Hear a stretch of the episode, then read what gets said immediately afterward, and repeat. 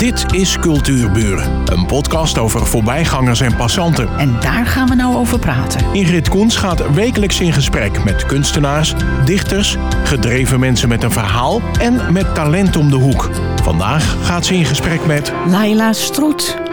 Zij werd geboren in Wervershoofd, maar woont nu in Alkmaar. En ze werkt als operatieassistente. En man heeft zij een verhaal.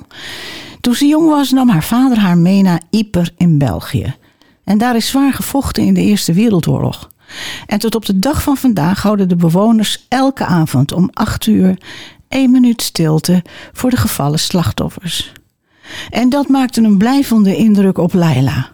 Zij verzamelt voorwerpen uit deze donkere periode in de geschiedenis die dreigt vergeten te worden. Maar ze houdt ook van zwemmen, schaatsen en is een fan van AZ. Dat is toch een bijzondere hobby voor een jonge vrouw. Waarom maakte die, met name die Eerste Wereld, zoveel indruk op jou? Ja, ehm, in de, over de Eerste Wereldoorlog kan bijna niemand uh, zoveel vertellen. Zeg maar, als je in België komt, kunnen heel veel mensen wat vertellen over de Eerste Wereldoorlog natuurlijk.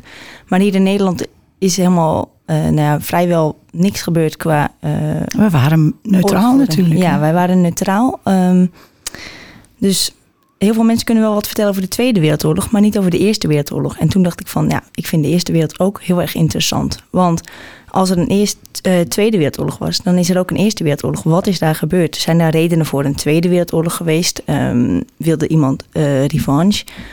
Um, ja, dus dat vond ik heel erg interessant. En vooral omdat we, omdat we naar België een aantal keer zijn geweest, echt heel vaak. Um, daar leeft het gewoon nog. Dus uh, als je daar door het landschap rijdt, uh, zie je nog begraafplaatsen, zie je nog uh, maandelijkse herdenkingen. Elk jaar zijn er vaste data waarop de bepaalde dingen nog herdenk, herdacht worden. En ja, dat is zo interessant. Al die mensen, die, die, die, al die burgers, die leven daar nog steeds mee en met de oorlog. En er worden nog steeds granaten elke dag gevonden. En de, de DOVO, dat is de, de explosieve opruimingsdienst voor de van België.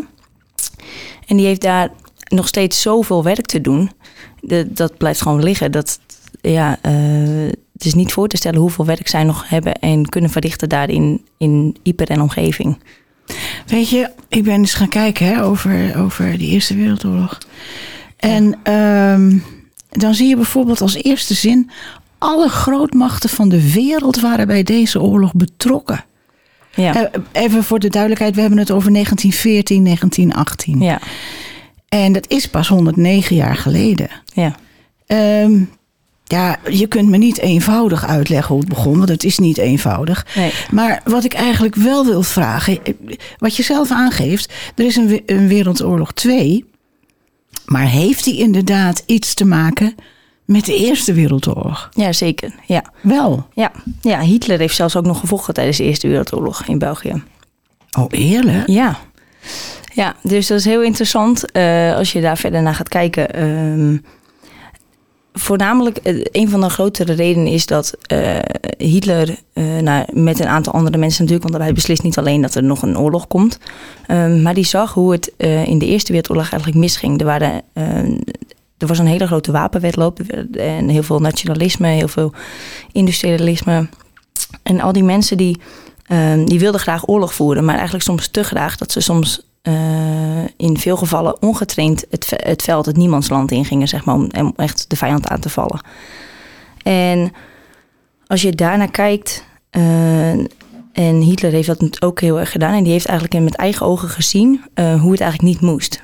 En um, op een gegeven moment waren bijvoorbeeld alle fabrieken, waren, uh, waar alle uh, bommen en granaten gemaakt werden en zo. Ja, ja. Waren, stonden leeg omdat al die mannen ook moesten gaan vechten. Dus de vrouwen gingen uh, bommen en granaten maken. Het ontwrichtte dus de hele ja. samenleving. En daardoor, uh, nou, de vrouwen waren, deden in die tijd niet, niets qua werk zeg maar, of beroep, zeg maar. Die waren allemaal gewoon thuis. Dus het was eigenlijk een soort van ontwikkeling wat, wat zich daar plaatsvond. Maar door die ontwikkeling uh, waren de, uh, alle bommen en granaten ook niet allemaal van hele hoge kwaliteit. Oh, en dat zag helemaal, Hitler ja. met eigen ogen. En die zegt van ja, er zijn ongetrainde soldaten, de bommen, granaten, de geweren. Alles is, is net iets minder of het werkt soms net niet altijd. Um, er werkte een hoop wel hoor, laat ik het daarop houden. Te veel. Dus, ja, eigenlijk wel. En er is natuurlijk een hoop ehm, oorlog geweest. En je ziet al die, als je al die foto's en platen kijkt van die tijd, dan zie je natuurlijk dat alles helemaal gort geschoten is. Maar Hitler heeft dus met eigen ogen gezien hoe het eigenlijk niet moest. En die dacht van, als ik mocht het ooit nog oorlog worden en mocht het op, een, op dat punt uitkomen, dan, dan weet ik wat ik moet doen voor mijn land en, en om het groot te laten worden. Er waren enorme verliezen. En dat was ook iets waar ik eigenlijk, nou, zwaar van onder de indruk was. Om een indruk te geven, er vielen meer dan 70 miljoen militairen. Ja. En daarvan 60 miljoen Europeanen. Terwijl de hele bevolking van Europa bestond uit 460 miljoen. Ja, dat zijn toch geen aantallen? Nee, dat is nu, nu niet voor te stellen. Nee. En eigenlijk allemaal als je die oorlogsvoering van toen, dat was gewoon met je, met je geweer in je hand, de loopgraaf uit. En ga maar man tegen man te lijf, zeg maar. Uh, ja, dat is bizar als je al die aantallen ziet. En dat zijn niet altijd alleen maar soldaten, maar het zijn natuurlijk ook gewoon uh, gezinnen en bominslagen die er zijn geweest. Uh, wat natuurlijk, wat je nu ook ziet bij Oekraïne, dat er gewoon bominslagen, dat een hele flat. Stomweg vernielen. Ja, dat het omvergeblazen is en dat er niks meer van over is. Ja. Er werden ook natuurlijk, misschien wel een beetje voor het eerst. Vroeger werd een, een oorlog natuurlijk op een, op een slagveld uitgevochten.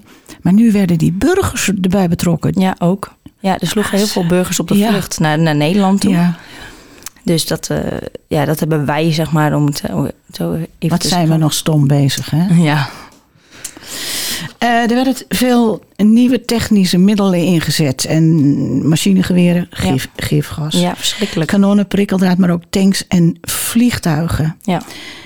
Um, nou, eigenlijk met die granaten en zo, wat je vertelde die dus onder hoge druk door vrouwen gemaakt moesten worden. Ja.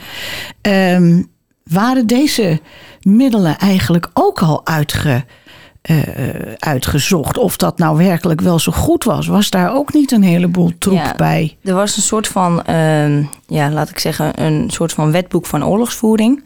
En daarin stonden een aantal regels waar je zeg maar, aan moest gaan voldoen. Mocht er oorlog uitbreken in Europa, dat hadden alle, alle uh, keizers, koningen. En die hadden dat samengesteld van we moeten elkaar wel, moeten elkaar wel een beetje aan een. Er moeten wel regels zijn. Precies, we moeten ergens iets waar we aan houvast kunnen hebben. Nou, daar stond onder andere ook dat van dat uh, gifgas in. Dus ze hadden al wel bedacht van dit is eigenlijk helemaal niet goed. En uh, dat is niet humaan om daarmee oorlog te gaan voeren. Maar op een gegeven moment was dus, ja, liep, het, liep het vast. Want ze hadden, de Duitsers waren van plan om heel snel, want die hadden een twee fronten oorlog. De Duitsers die hadden oorlog aan de kant van Rusland. En oorlog Polen bestond in die tijd nog niet. Dus, dus ze hadden direct contact met Rusland. En Duitsland had contact met Frankrijk en um, België. En die hadden eigenlijk dus een twee fronten oorlog. En op een gegeven moment liep dat vast. Ze waren eerst van plan om heel snel uh, Frankrijk te veroveren. En als ze Frankrijk hadden, dan zouden ze snel teruggaan naar Rusland. Want Rusland duurde iets langer met mobiliseren. Nou, zo gezegd, zo gedaan. Ze vielen eerst uh, Frankrijk binnen. En dat liep een beetje stroef vast. Dat liep vast, zeg maar. Want ze gingen, dat heet het Von Slieven-plan. Ze wilden Parijs veroveren. Want als je Parijs hebt, heb je de hoofdstad. Ja, ja, en dan, ja. nou, dan geef je je wel snel over, zeg maar. Maar ook in dat wetboek van oorlogvoeren stond uh, dat je niet door een neutraal land mocht. En België was in die tijd in eerste instantie nog neutraal. Dus de, Bel uh, de Duitsers hadden bedacht dat ze dan via België naar Frankrijk konden. Want Frankrijk had zijn hele leger gemobiliseerd aan de grens van Duitsland. Dus de soldaten van Frankrijk die zaten volledig verkeerd. Ja. En die moesten dus heel snel naar de andere kant, naar de andere grens met België. En toen heeft Bel uh, Duitsland een hele grote slag kunnen slaan. En toen, daardoor is er dus heel veel gevochten in België. En België die had op dat moment het allerkleinste land van ongeveer heel Europa. Maar die heeft wel gezegd, Albert, uh, koning Albert, die heeft gezegd... wij zijn een land en geen straat waar je zomaar even doorheen wandelt. Dus hij heeft ook zijn leger opgetrommeld. En die is gaan vechten tegen de Duitsers. En die heeft eigenlijk zijn hele land moeten overgeven... behalve dat kleine stukje bij Ypres. Oh, vandaar dat daar zo gevochten en is. vandaar dat er zo gevochten is. Ja, ze hebben uh, de sluizen opengezet, waardoor de soldaten niet verder konden. En daardoor liep het dus echt heel erg vast. En uiteindelijk kwam, ja, vanaf het begin ook wel, kwam Engeland ook nog helpen. Dus ze hadden daar een, een, hele, heel goed voort, zeg maar. Buffer. Ja. ja. En daardoor liep het vast en kwamen ze dus in een twee-frontenoorlog. ja, dat is voor Duitsland wel heel zwaar geweest. Maar Duitsland was ook al wel het best voorbereid van heel Europa om oorlog te gaan voeren. Maar wie heeft nou dat gifgas ingezet? Ja, de, ja wie, wie? Ja, dat is een beetje een moeilijke. eh, De, een aantal mensen zeggen Duitsland, een aantal mensen zeggen Engeland. Ehm, Niet te bewijzen. het is van eerste instantie niet te bewijzen. Ehm, dus ik laat het eigenlijk altijd een beetje in het midden. Maar hoe, hoe werkte dat gifgas eigenlijk? Ja, het gifgas eh, zat bijvoorbeeld in, in grote tanks, zeg maar. Ja. In, een- in een soort eh, tank. eh, Zo'n gastank gas- op de, ja. op de Ja. camping. Ja, precies, zo'n gas. Ja.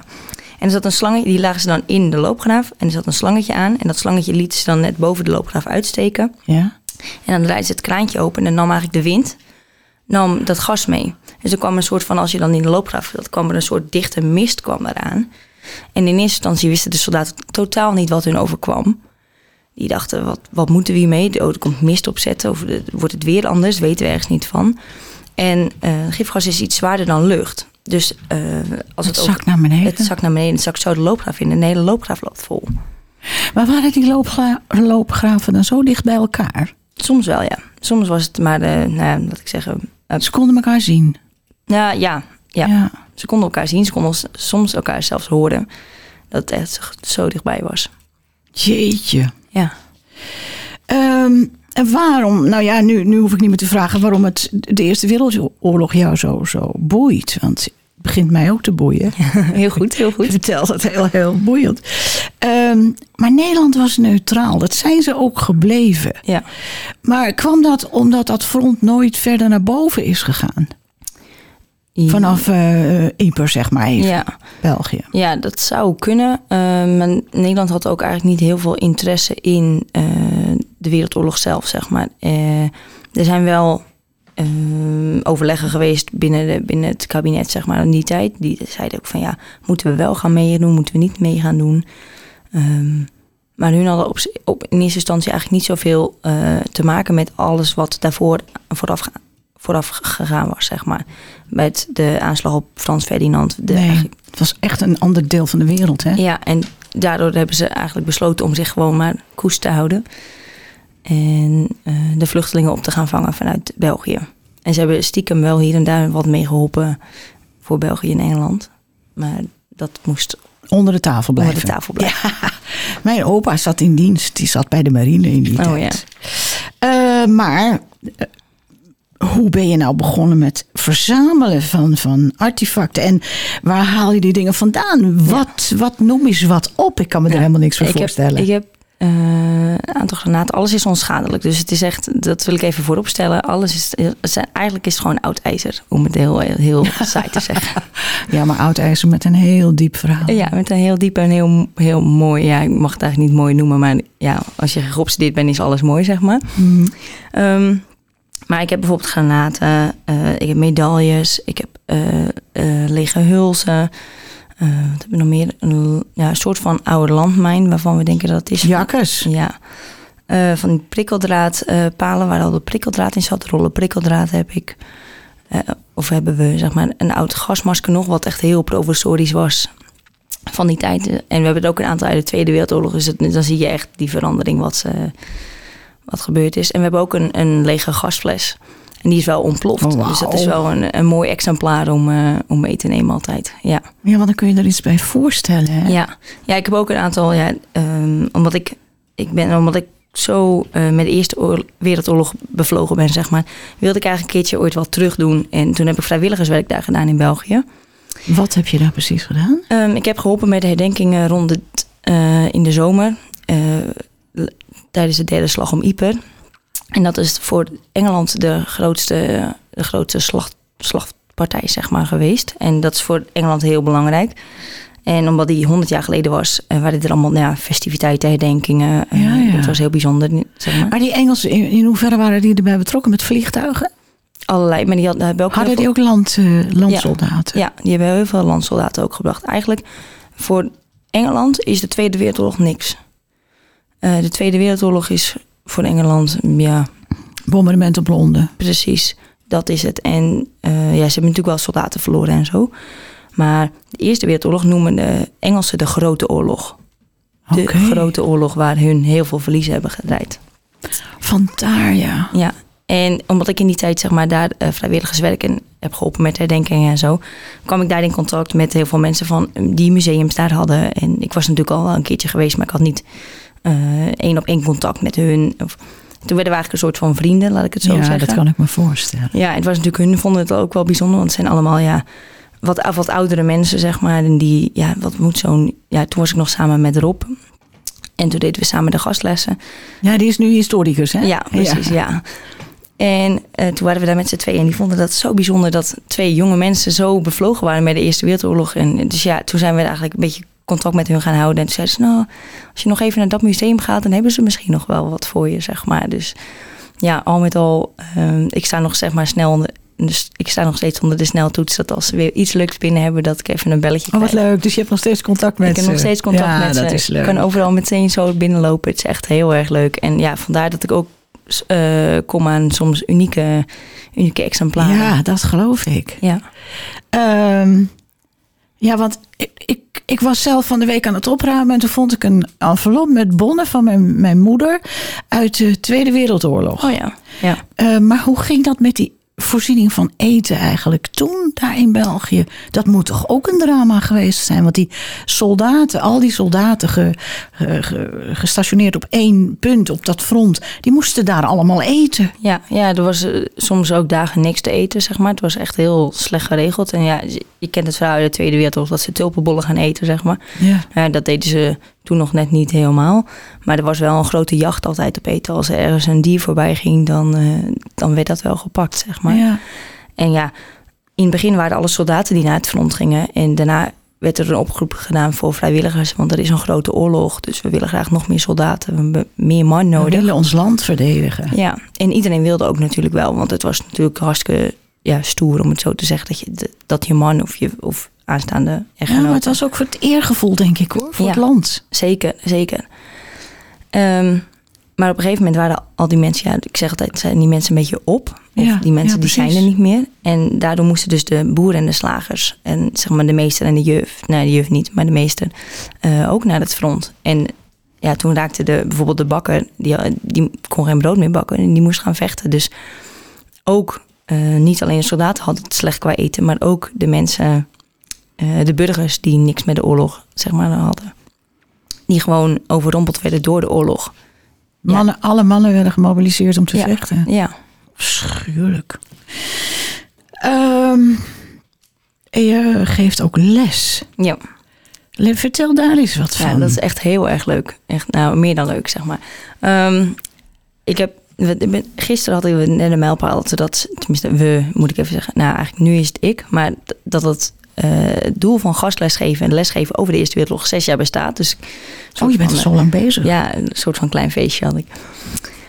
Um, maar we geven, of nee, ik geef dan les nu over de Eerste Wereldoorlog. En ik, ik kan een heel ochtend, ik heb een soort van vijf lesvormen altijd. En dan geef ik dan les uh, over de Eerste Wereldoorlog, een stukje geschiedenis. Ik, geef een, ik laat een filmpje zien, dat doet de kind natuurlijk altijd goed. Maar ik ga ook natuurlijk uitleggen wat voor allemaal, wat voor voorwerpen ik op mijn tafel heb laten staan. Op, wat ik heb staan. En dan, ja, ik heb bijvoorbeeld een half doorgesneden bomgranaat. Dan kunnen ze mooi zien hoe dat allemaal werkt. En ik ga ze ook uitleggen hoe dat werkt. Ja, dat is voor de kinderen, die zitten vaak met mond open te kijken. Dat is echt fantastisch. Ja, dat geloof ik, want je komt zo dichtbij daarmee. Ja, ja. En dan mag ik het aanraken, mag ik dit doen? En ik zeg, nou ja, voorzichtig, voorzichtig alsjeblieft. Maar ja, soms zijn ze zo enthousiast. En dan, ja, je hebt er ook altijd wel een aantal tussen zitten... die hebben thuis alles al uitgezocht. En dan gaan ze allerlei Oh ja, vragen aan ja. je stellen. Ja, dat is echt heel erg leuk. Hoe oud zijn die kinderen die je les? Um, meestal groep 7, 8, 6. En laatst had ik zelfs een keertje groep 5. Maar dat is wel heel ja, moeilijk. Anders, hè? Ja, je moet wel echt heel rustig benaderen. En ja, je, je hebt natuurlijk wel te maken met leven en dood. Ja, En ook met de foto's en alle platen die ik laat zien, ja, precies. kan dat soms best wel heftig zijn. Dus dat vond ik heel erg moeilijk. Tenminste, was weer een nieuwe uitdaging. Zeg maar, hoe reageren kinderen daarop? Ja, sommige, ik heb ook wel kindjes gehad die gewoon moesten huilen, omdat ze het zo zielig en heftig vonden. En ja, Ach, ze- echt? Ja, maar ja, ze zien dat natuurlijk nu ook met Oekraïne. Dus het is in één keer van ook wel weer heel erg dichtbij. Ja. Ehm, maar ook kindjes van wow, wat er allemaal gebeurd is. En ze, ze beseffen echt wel dat, dat, het serieuze, ja, dat de serieuze dingen daar hebben afgespeeld. Maar krijg je de indruk dat zij ook goed worden voorgelicht eh, over de I- Tweede Wereldoorlog? Ja, de Tweede Wereldoorlog wel. Nou ja, Nou, maar die Ehm, kinderen van de lagere school, zeg Ja. maar. Ja, ik heb wel het idee dat de Tweede Wereldoorlog. Eh, ja, dat wordt natuurlijk ook uitgebreider besproken. Want je hebt natuurlijk veel meer in Nederland over de Tweede Wereldoorlog. Er zijn heel veel boekjes. En eigenlijk over de Eerste Wereldoorlog staat vaak maar één à twee alinea's. Ja. En dan als de meester een juf dan een beetje leuk vindt en die is een beetje met de geschiedenis begaan, dan is het van, oh ja, we kunnen daar wel als, als bijvoorbeeld als start van een onderwerp of een thema eh, een gastles over doen. Maar zoals jij er een hele ochtend komt, Ja, dat vind ik toch best wel eh, indrukwekkend. Ja. En dan ja. hebben ze ook de tijd om het een beetje door te laten dringen en zo. Ja, ja dat, eh, ik, ik, neem ze ook, ik neem ze eigenlijk graag mee op het hele oorlogs, in het hele oorlogsverhaal. En ik, ik probeer ze echt dingen uit te leggen en ehm, te laten inzien dat dit eh, vandaag de dag soms op sommige fronten nog steeds een probleem is. Als je dat natuurlijk weer, ik kan dat de laatste jaren heel mooi vergelijken natuurlijk met Oekraïne. Ehm, niet alles natuurlijk hoor. Nou, maar het wel veel, hè? Maar het, ja, het, maar het komt ook weer dichterbij. Omdat het natuurlijk ook gewoon besproken wordt eh, tijdens bijvoorbeeld het, het nieuws wat ze in de klas bespreken. En dan nu over de Eerste Wereldoorlog. Het was al ja, langer dan 100 jaar was geleden was het ook al zo. En ehm, krijg je de indruk dat ze het meenemen? Zou, ben je niet bang trouwens dat ze erover dromen? Want zoals Ja. jij het brengt, is het Ja. zo echt. Ja, het is soms wel. Ja, nou, daar staan, heb ik eigenlijk nog niet over nagedacht of ze daarover dromen eigenlijk. Maar ik, ja, het komt wel binnen, zeker. Maar ik heb ook altijd gezegd. eh, tenminste, dat zeg ik wel eens als ik zie van, oh, het doet wat met ze. Ja, Ga even naar meester of juf. Praat erover. oké. Ik zeg in de ochtend ook altijd: wat vonden jullie het leukst of wat vonden jullie het moeilijkst? Eh, is er iets wat jullie heel eng vonden? En voorafgaand, als ik bijvoorbeeld nou ja, enge beelden waar bijvoorbeeld een aantal overleden soldaten eh, liggen, zeg ik dat wel. En als ze dat niet fijn vinden, ja, dan draaien ze even om of staan ze even bij meester of juf. Dat iets meer beschermend is, zeg maar. Ja, want uit, specifiek uit die oorlog, ja, die zijn er waarschijnlijk uit de Tweede Wereldoorlog ook. En nu uit Oekraïne zelfs wel af en toe eh, in beeld op televisie. Daar zie je ook heel veel Ja, ja, slachtoffers. ja, je ziet heel veel slachtoffers. En daar ga je niet omheen, je neemt die foto's wel mee. Ja, nou, dat heb ik dus bijvoorbeeld voor die groep 5 toen aangepast. Want ik denk, ja, Ja, dat moet ik toch wel ja. voorzichtig benaderen. Ehm, maar ik heb wel een soort van, nou ja, ja, het is wel oorlog. Je kan niet zeggen dat er geen soldaten zijn overleden. Nee. Dus ik, ik moet wel, tenminste van mezelf, wat laten zien van dit is er gebeurd. Ja, gelukkig zijn het ook niet zulke scherpe foto's. nee, en allemaal zwart-wit beelden Ja. meestal. Dus, Ja, inderdaad. Laila, ik vind het werkelijk bijzonder wat jij doet. Ehm, je hebt geen website. Nee, Dus ehm, in ieder geval kunnen we jou vinden op Facebook. En Ja, sta je dan gewoon onder jouw naam? ja, Leila en het Reizende Wereldoorlogmuseum. Eerste Wereldoorlogmuseum. Oké. En ik heb ook nog contact gehad met het Oorlogsmuseum in Medemblik. Ja, klopt. En Lars Rustenburg zei: Je mag onze e-mail gebruiken als mensen meer van over je willen weten. Weet jij dat uit je hoofd toevallig? Eh, wo1 gastlessen. eh, at gmail.com. Oké, nog Ja. een keer. Ja, wo1 gastlessen at gmail.com. Oké. Ik wens je heel veel succes. Gaat ik vind het. eh, ja, ik vind het een soort kweeste wat je doet. Ja. Zo'n soort, zo'n, eh, zoiets eh, dat je mensen laat zien hoe vreselijk of het eigenlijk Ja. is. En je bent nog zo jong. Ik wens je een hele fijne dag en we zien elkaar. Zeker, dank u wel. Dit was Cultuurbuur. Een podcast van Ingrid Koens en Streekstad Centraal. Bedankt voor de aandacht en tot de volgende Cultuurbuur.